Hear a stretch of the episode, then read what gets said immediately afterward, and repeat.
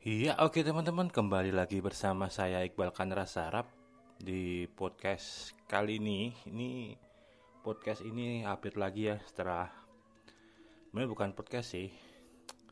Channel ini update lagi setelah lama lumayan vakum gak update karena saya lebih sering update di channel saya yang podcast itu. Nah, biar nggak bingung tentang niche-nya yang satu apa yang satu apa. Nah ini mulai mungkin untuk khusus kripto saya akan update-nya di channel ini ya teman-teman ya.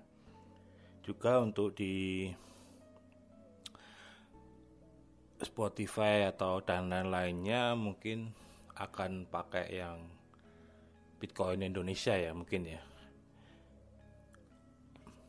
Itunya apa namanya akun buat update ininya. Jadi biar nggak nggak nyampur di channel atau di podcast saya yang topiknya lebih random dan jarang bahas tentang dunia kripto gitu tuh. Intinya sih ini teman-teman ini lumayan menarik teman-teman.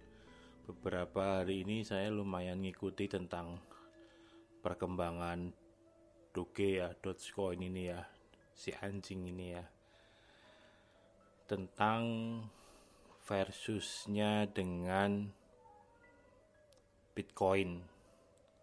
Jadi karena ya kita tahu lah masalah Doge ini kan emang Elon yang pam-pam dari awal ya hingga naik sampai harga saat ini ya.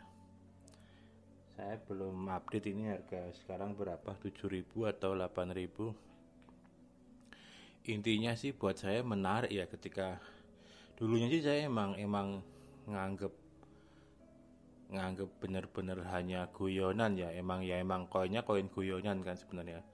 Walaupun dia emang murni murni koin ya bukan token atau apa ya.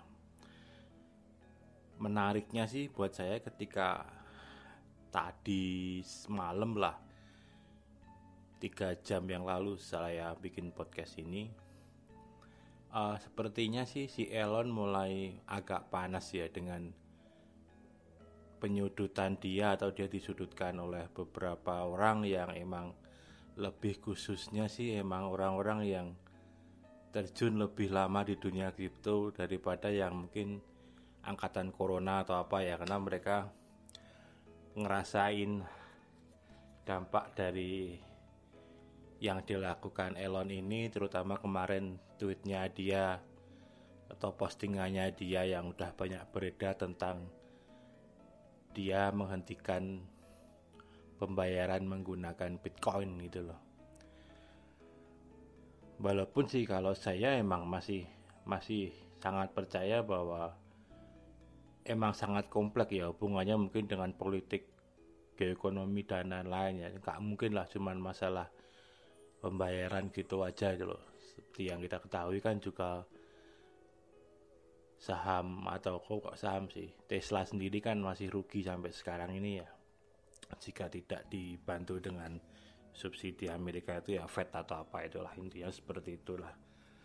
Jadi emang mungkin memang ada something lah antara Amerika dan Elon ini dengan kenapa mungkin dia ada tekanan suruh menghentikan Bitcoin ini? Ini kalau versi saya loh ya. Karena kan juga ketua SEC yang baru ini kan emang orang kripto ya. Dia emang profesor blockchain juga emang pokoknya kalau urusan tentang kripto tentang blockchain itu emang bukan bukan orang sembarangan itulah. Jadi mungkin dia juga paham itu. Bisa jadi juga itu menjadi faktor faktor pendukung juga itu loh. Di sisi lain sih tweet Elon tadi sih menurut saya lumayan lumayan menarik ya. Walaupun sebenarnya ini emang hal yang umum ya yang sudah banyak orang tahu ya di mana bahwa Dogecoin ini atau Doge ini memang fee-nya lebih murah seperti yang disebutkan sama Elon dengan transfer lebih cepat terus menghemat energi lah seperti itu ketika proses mining dan lain-lain. Ya jadi emang penggunaannya sangat jauh lebih jauh lebih lah kalau dibandingin dengan Bitcoin. Ini kalau versi Elon walaupun sebenarnya kalau kita ngomongin kenyataannya ya emang emang seperti itu gitu loh. Juga yang dibilang sama Elon di tweetnya kan juga bahwa desentralisasi apa yang kalian sebutkan kurang lebih seperti itu kan ini seperti itulah. Ketika uh, penambang paling banyak emang dari daerah dari negara tertentu gitu loh. Intinya ya sebenarnya secara tidak langsung juga dia menyinggung Cina juga ya karena emang seperti kita tahu bahwa Cina ini memang penambang Bitcoin paling banyak ya. Kalau nambangnya paling banyak kan otomatis dia memiliki suplai Bitcoin juga banyak juga gitu loh secara secara tidak langsung seperti itu. Kalau urusan masalah ekonomi ya tentu aja kan ketika kompetitor yang memiliki suplai banyak ya pasti orang akan mikir gitu ibaratnya kalau mau nyimpen koin itu. Ini kalau omongin Elon Musk versus China ya ibaratnya seperti itu ya. Atau Amerika versus China lah seperti itu. Jadi mengapa dia milih Doge ini gitu loh? Buat saya juga masuk akal juga gitu loh. Walaupun nggak nggak sepenuhnya juga gitu loh. Karena juga kalau kita ngomongin masalah data doge yang sekarang dan lain-lain juga sebenarnya kan memang mungkin mungkin mungkin ini. Histori tentang doge dan lain-lain kan butuh orang untuk memper mempelajarinya sangat-sangat detail lagi ya daripada emang jumlah data Bitcoin yang udah ada dari mungkin 10 tahun yang lalu udah masih kerekod gitu lebatnya semua udah ketahuan gitu kalau Doge kan bener-bener mungkin blank gitu loh. Orang masih masih agak begitu kosong dalam artian belum banyak data-data histori yang sangat-sangat seru untuk Bitcoin gitu loh. Jadi buat saya juga kenapa dia milih Doge juga kemungkinan juga alasannya ada alasan itu juga kemungkinan gitu loh. Juga karena mungkin dianggapnya belum banyak orang yang memulai menambang secara masif dalam tanda kutip seperti Bitcoin lah ini seperti itu ya sebenarnya sangat meminimalisir yang didesentralisasi seperti itulah atau desentralisasi yang semu gitu seperti itu karena kan sebenarnya juga juga sama aja sih ketika desentralisasi tapi emang ada orang yang udah memegang koin itu banyak juga sebenarnya dia juga akan menjadi bisa menjadi market maker atau price maker ya buat orang yang buat bikin harga gitu loh. Tapi kalau doge ini kan emang karena untuk data yang sangat runtutnya emang masih sangat-sangat kurang kalau kita bandingin dari kita bandingin sama Bitcoin. Ya walaupun pasti ada orang yang emang ngerekod koin itu sangat-sangat detail juga pasti ada tapi kalau kita bandingin dengan Bitcoin kan sangat-sangat jauh ya. Jadi mungkin juga alasannya seperti itu ya. Dan juga kan emang kalau emang nantinya Elon mau megang dogenya itu ibaratnya megang tuh dalam artian gini dia mau mensupport developernya kan tinggal satu kan developernya. Kalau dia mau support developernya itu juga kemungkinan ada kemungkinan menjadi lebih seru lagi sih. Berarti kayak ada Elon di balik doge itu di balik dalam arti yang sebenarnya itu loh karena dia yang mungkin ikut membantu membantu mengembangkan blockchainnya atau gimana lah kurang lebih seperti itu. Dan yang paling menarik sih buat saya Elon sampai di tweetnya kan sampai bilang kayak sepertinya saya harus membuat tweet tentang Doge. Jadi mungkin karena banyaknya serangan orang tentang dia tentang masalah short koin bulan ini mungkin ini yang bisa dibilang agak lama dan agak terparah ya dibandingkan kemarin yang tanggal-tanggal 25 April itulah. Itu kan sempat short juga tapi kan recovery-nya cepet ya. Kalau ini kan memang pelan pelan pelan tapi semakin turun turun turun turun turun turun. Bahkan sampai menembus 600 berapa tadi Bitcoin. Jadi emang situasinya emang sangat sangat sangat sangat menegangkan ya. Karena itu kan banyak orang yang emang jadi kebelah jadi kayak dua kubu itu kubu yang emang anti dengan Elon Musk dan kubu yang emang pro dengan Elon Musk gitu loh nah banyaknya serangan dari yang anti Elon Musk ini memang mungkin membuat Elon Musk sendiri gerah ya. Apalagi dia sampai bilang tentang PayPal. Buat saya itu titik paling keren sih. Buat itu kalau orang marah itu paling dia kayak marah sama bocah itu loh. Kamu tahu apa tentang uang itu loh. Coba lihat PayPalan kurang lebih kalau bahasa kasarnya seperti itu loh bahwa dia kan yang bikin PayPal juga itu loh jadi dah kalau cuman masalah supply demand uang dan lain-lain nggak usah kita ragukan lagi lah dia udah bikin PayPal dari tahun berapa itu loh pada seperti itu jadi maksud saya bukan bukan pom-pom orang yang tidak memiliki basic IT itu loh. Basic IT atau ya jenisnya lah. Walaupun emang kayak dulu-dulu kan emang uh, apa tuh namanya? McAfee dan lain-lain kan 2017 kan sempat menjadi menjadi god of trade apa namanya? God of crypto juga kan. Dia sempat menjadi orang yang seperti Elon saat ini dulu apa yang dia omongkan terjadi Bitcoin naik itu naik itu naik itu naik dulu tapi kan setelah SOR 2018 dan banyak kasus yang dia alami seperti penipuan atau dianggap scamming atau apalah koin yang dia buat gitu-gitu kan sebenarnya pamornya dia benar-benar hilang pet ya langsung nggak nggak ada sama sekali lah. Kalau orang Jawa bilang itu ambune rano gitu loh wis wis awune wis rano gitu loh. Nah sekarang kan emang baru Elon kan yang emang benar-benar jadi sosok yang ya kalau dia bilang kan god apa namanya doge father lah seperti itulah. Dia menjadi orang yang sangat-sangat sentral untuk masalah kripto loh di terutama ya masa-masa tahun-tahun inilah seperti itu. Ya buat saya cukup cukup menarik ya. Buat saya menariknya itu sih.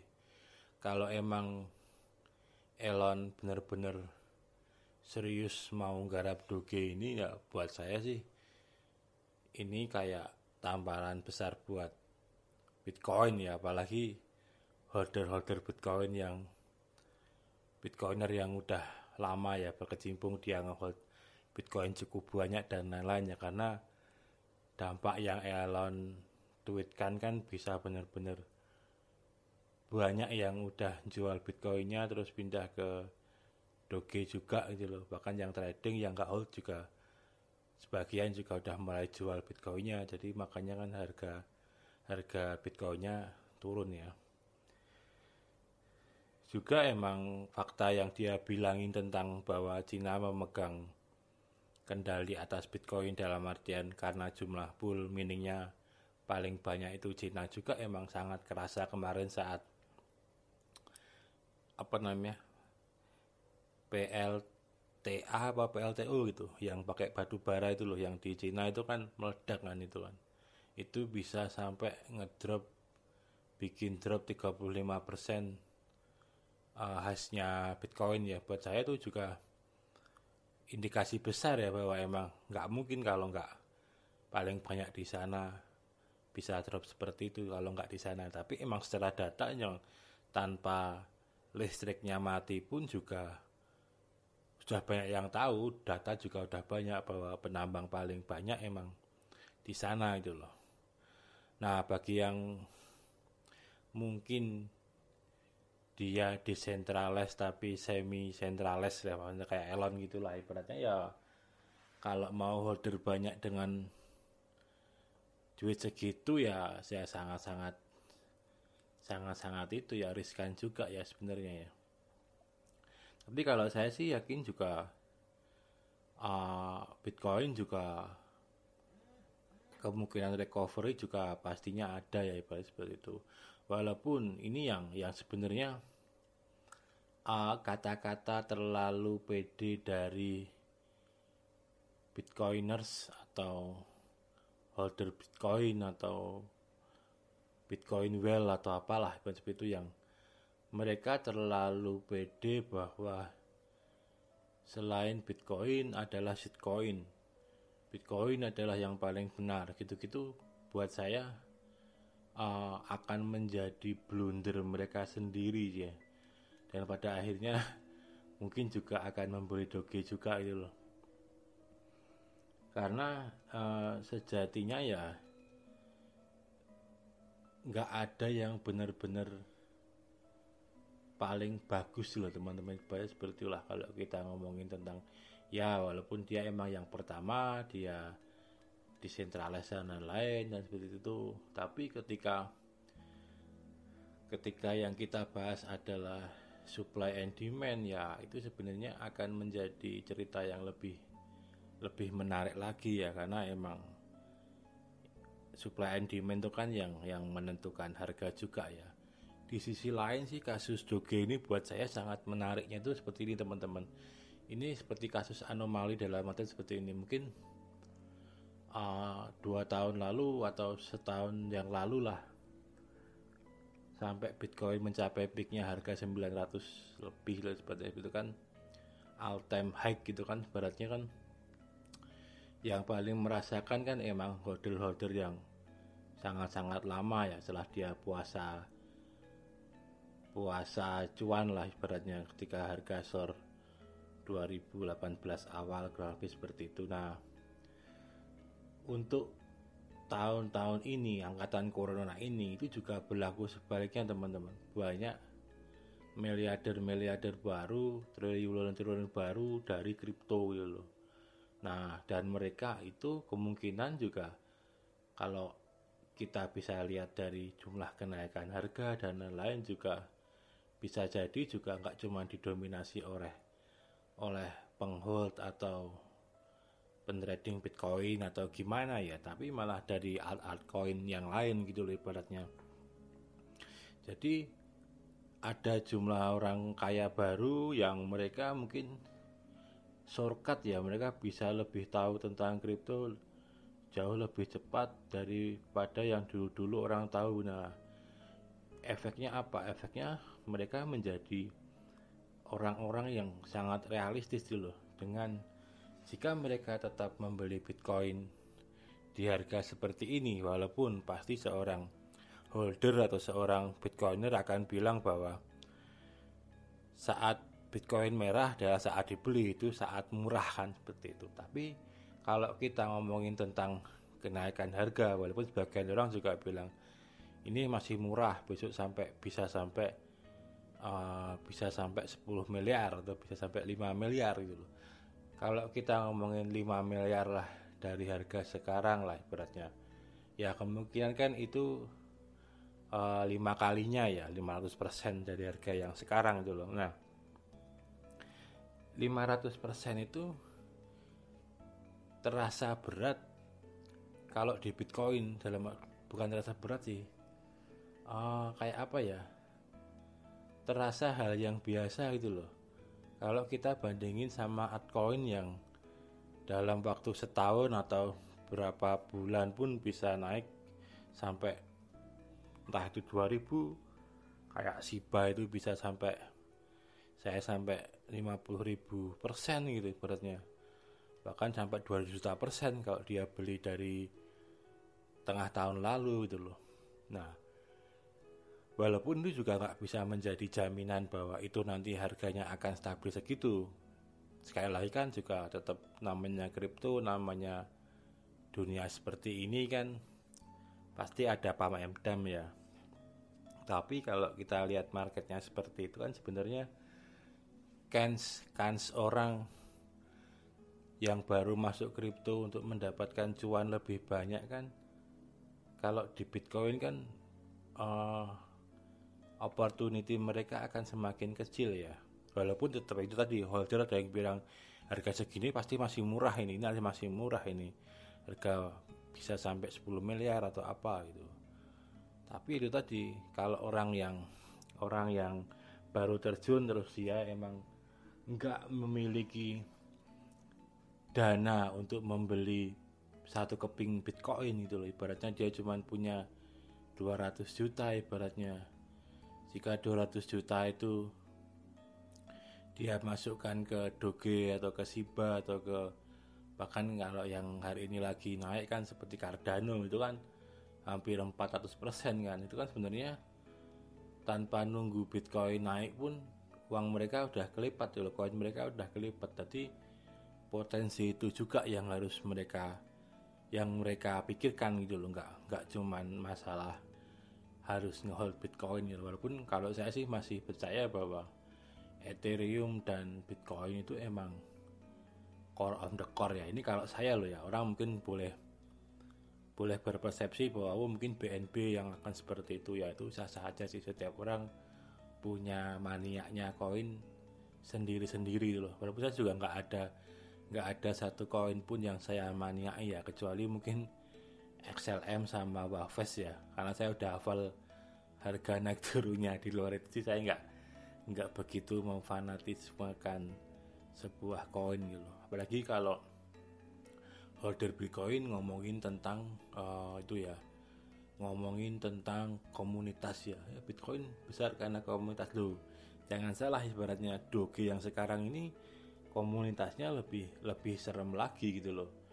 Untuk mereka mau spamming orang suruh doge orang suruh beli doge lebih semangat lagi karena mereka benar-benar mungkin sama kayak orang yang holder bitcoin itu. Mereka merasakan bisa kaya dari doge itu bisa ngelipet kekayaannya dari doge itu. Jadi buat mereka juga realistis. Jadi kalau ngomongin komunitasnya ya sebenarnya juga nggak ada nggak jauh beda itu loh.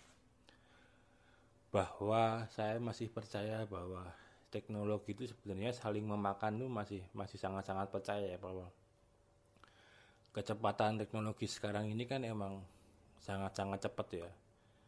Dari tahun 98 atau apalah kita punya HP Nokia atau apa. Kalau saya dulu 2015 tuh saya masih 3310 ibaratnya masih jaya-jayanya tuh nggak nyampe hitungan berapa tahun itu.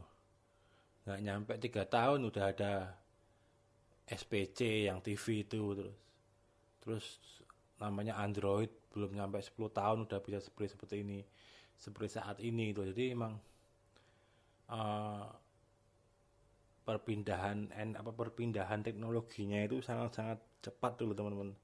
Dari Graham Bell nemuin telepon gitu ibaratnya sampai Nokia Siemens, Sony sampai ke Android.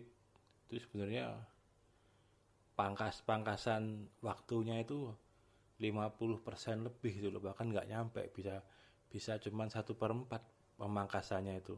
Dari 20 tahun misal langsung cuman butuh lima tahun langsung. Sekarang ini bahkan kayak teknologi seperti HP itu udah hitungannya udah bulan udah beda udah cepet. Jadi emang sangat-sangat cepat gitu loh. Ya ini juga buat saya nantinya akan akan berdampak secara tidak signifikan ya, secara signifikan ke dunia kripto juga ya. Ya siapa tahu besok ada yang nyiptain koin yang itu mungkin lebih hebat dari Bitcoin, Ethereum, BNB, BSC-nya BNB itu. Mungkin emang koinnya lebih murah, transfernya bisa fee, bisa gratis seperti itu. Atau apalah kita kan nggak akan nggak akan tahu teknologi ke depan itu seperti apa walaupun kita menggadang-gadang misal kayak Bitcoin sampai 2100 atau gimana tapi 4-5 tahun ke depan ada teknologi baru yang menggeser dia juga sangat-sangat memungkinkan ya itu. sebenarnya kan ya sama kayak konsep konsep di awal Bitcoin itu diciptakan juga kan decentralized terus orang percaya akan harga karena market kan seperti itu. Orang percaya bahwa kertas itu memiliki nilai nominal karena kesepakatan bersama juga sama aja. Pada akhirnya ketika ada teknologi baru yang itu dipercayai oleh banyak orang banyak banyak banyak orang ya bisa jadi sama kayak pada akhirnya koin itu ada harganya terus bisa naik signifikan ya ya tetap bisa ada kemungkinan menggeser Bitcoin juga gitu loh. Walaupun untuk sekarang ini memang gapnya terlalu agak jauh ya walaupun Ethereum udah mulai menyusul menyusul ke atas ya seperti itu ya. Apalagi besok mungkin kalau Ethereum udah udah keluar yang 2.0 ya. Tapi emang kalau kita ngomongin koin kan emang kita harus berbicara tentang sektor koin itu ya ibarat seperti itu kalau emang nantinya uh, Elon ini mau mengarahkan Doge atau Doge ini ke arah Bitcoin ya keren. Berarti kerennya itu akan ada kompetitor Bitcoin dulu gitu selain selama ini kan emang Bitcoin memang bisa dibilang berjaya berjalan sendiri ya. Nggak ada hampir nggak ada yang nyaingin lah ibaratnya. Karena kalau koin-koin yang lain kan saya anggap emang ini kalau versi saya lah saya anggap emang mereka emang uh, konsen kategorinya emang berbeda-beda ya. Kalau PSC dan lain-lain itu kan emang uh, basicnya emang hampir sama seperti Ethereum ya. Banyak token di atasnya dan lain-lain nah pada akhirnya juga akan seperti itu itu loh. Ada Tron ada apa dan juga emang konsen.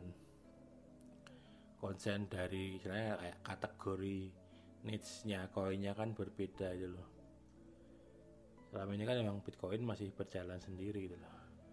Ya dengan kekuatan Elon yang seperti saat ini dia bisa membuat banyak orang ya buat saya sangat-sangat sangat-sangat keren sih banyak. Dan sebenarnya kalau kita ngomongin masalah teknologi blockchain dan lain-lain juga kita nggak usah meragukan pengetahuan pengetahuannya si Elon gitu dia itu yang yang bikin PayPal dulu gitu loh salah satu termasuk mafia PayPal juga gitu. Jadi emang kalau masalah seperti ini ya dia udah udah menang awu gitu loh. Tapi kalau emang kalau masalah yang sudut lain kita bawa Tesla masuk saham untuk sekedar jual model mimpi-mimpi seperti itu ya ya itu hal lainnya buat saya emang ya emang nyatanya seperti itu bahwa penjualan pabriknya nggak begitu laku begitu nggak begitu untung dan lain-lain tapi dari sahamnya dia tetap bisa untung gitu loh. Ya sebenarnya kan semua market yang seperti itu kan barang komoditi kan emang emang seperti itu ya. Bahwa fundamental juga kadang nggak nggak terpengaruh juga itu loh. Tapi emang ngerinya sih dengan modal di awal si Elon yang tidak ada hanya sekedar guyonan kalau saya bilang. Ya kemungkinan pada akhirnya akan menjadi guyonan juga akan sangat bisa atau dia malah berbalik dari tadinya guyonan jadi diseriusin gitu. Guyonan di sini maksudnya gimana? Ya kan tadinya kan cuma sekedar iseng-iseng aja kan nge-tweet ini nge-tweet ini terus akhirnya seluruh orang bisa apa pun yang dia katakan bisa menjadi harga yang naik gitu loh. Kalau Bitcoin kan masih masih jarang ya. Fluktuatif uh, penurun naik turunnya masih sebatas isu-isu di exchange lah ibaratnya atau isu sentimen exchange yang bawa kabur lah atau apalah atau apalah itu. Jadi kadang memang di luar isu-isu yang teknis loh. Beda ya kalau emang ada uang begitu besar ke transfer terus dia ngedam dia ngepam itu buat saya itu cerita beda ya. Kalau masalah ke profiling profiling koinnya sendiri kan emang stuck ya. Kalau hampir bitcoin itu hampir-hampir stuck ya. Walaupun kemarin sempat banyak corporate yang membeli bitcoin juga ya ya menarik juga sih. Ya bisa jadi yang sekarang sore ini mereka buang koinnya juga bisa atau mereka mau nyerok lagi juga juga bisa. Karena selama kita nggak megang portofolio orang kan kita nggak tahu maksud orang itu apa itu. Apalagi ini kan uh, isu yang terbaru ini kan masalah doge ini kan doge ini kan memang di Coinbase memang dia akan listing ya kalau foundernya atau apanya itu saya tadi baca itu 4 sampai 6 minggu lagi lah mau dipikirkan mau launching atau enggak. Jika itu launching ya buat saya mungkin akan menjadi trigger yang signifikan ya terutama sih buat orang-orang Amerika ya seperti itu. Walaupun orang Amerika yang ngehold Bitcoin juga juga banyak lebih banyak mungkin ya tapi milenial milenial atau apa yang akhirnya pindah fokus ke ngehold Doge juga kemungkinan akan menjadi menjadi banyak juga lah.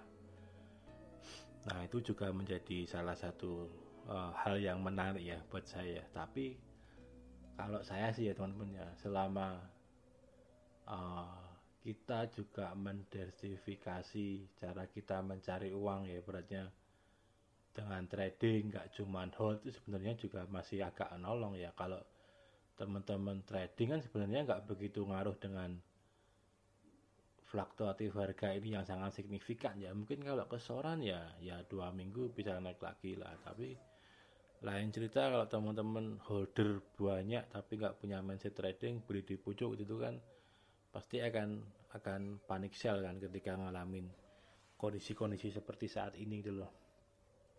Nah buat saya sih seperti itu seperti itu sih.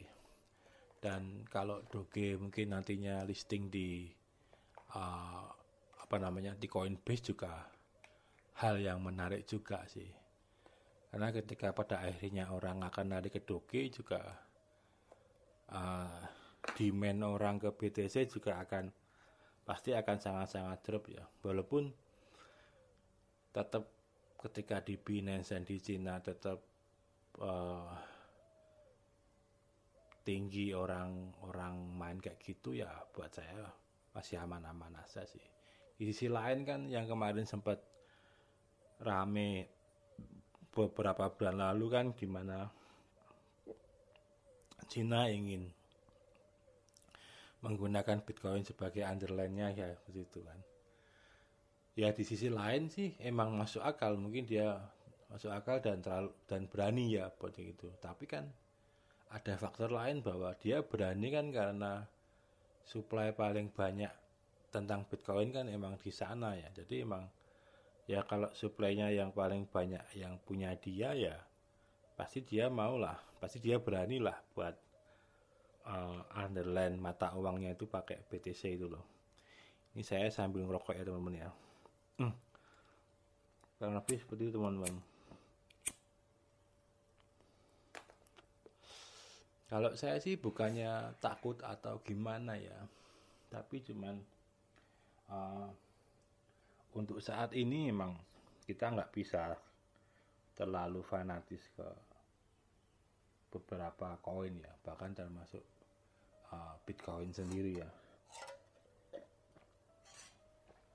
fanatis boleh sebenarnya tapi tetap kadang kudu kudu ya pasti harus realistis dan mungkin melihat ada peluang lain yang mungkin bisa sama. Jadi emang mendesifikasi pikiran buat ke sana gitu loh. Tapi ya sekali lagi teman-teman sebenarnya uh, fenomena Doge versus Bitcoin ini juga menarik di dunia kripto sebenarnya malahan. Kemungkinan juga akan akan menjadi gimmick buat koin-koin yang lain dan gimana gimana hasilnya buat buat kripto ini akan terus tetap hidup gitu loh. Dan itulah gitu pokoknya intinya itu. Selama kita di kripto itu cuma trading sebenarnya malah aman. Kita nggak peduli dengan teknologi di dalamnya seperti apa bahwa itu seperti itu yang penting uh, koin kita kelipet fiat kita kelipet gitu kalau saya sih reality seperti itu. Saya juga masih nyimpen uh, ETH sama Bitcoin ya. Untuk Bitcoinnya juga nggak nggak begitu banyak. Yang jelas saya juga nyimpen juga gitu loh. Jadi ya mungkin itu aja ya teman-teman. Untuk diversifikasi bahwa ya, ya kemungkinan ada yang ada kemungkinan ada yang lebih besar apalagi kan seperti cia-cia itu juga sempat heboh kan kemarin dan itu juga sempat di, di apa namanya itu di gadang-gadang juga disambung-sambungin sama Elon juga kan yang tentang ramah lingkungannya dan lain-lain kemungkinan Elon Musk pakai Cia dan lain-lain gitu loh. Walaupun ketika pada akhirnya nantinya miningnya itu yang paling banyak di, di Cina juga ya pada akhirnya sama aja. Teknologi yang benar-benar diperbarui atau apa itu ya kemungkinan ya cuma tenaga matahari itu matahari angin air atau apalah. Selama listriknya Elon Musk mobilnya Tesla juga masih pakai fosil ya buat saya sebenarnya juga sama aja lah. Walaupun kalau kita ngomongin dampak polusi emang agak mending lah. Tapi kalau kita ngomongin konsumsi energi yang dibutuhkan juga bisa dibilang hampir sama aja nggak ada bedanya sama fosil fosil di bensin atau apalah ibaratnya. Tapi kalau ngomongin emisi emang ya jelas lah kalau listrik kan nggak ada nggak ada itunya kan nggak ada asap knalpotnya jadi ya tentu lebih kalau secara global atau iklim yang itu ya jelas-jelas lebih lebih mending lah ya mungkin saja teman-teman ini terlalu panjang. Buat saya menarik sih. Nanti kalau ada update lagi saya akan update lagi ya. Kalau teman-teman mau ikut uh, grup saya di tele sebenarnya ya cuman grup saling berbagi aja sih share siapa tahu bisa saling berbagi lah seperti itu. Linknya ada di deskripsi atau teman-teman yang belum join di beberapa exchange saya ada link di deskripsi kalau teman-teman daftar pakai link saya ini lumayan dapat potongan fee trading lah. Dari 20% sampai 10% lah beda-beda. Oke teman-teman semoga bermanfaat. Salam olahraga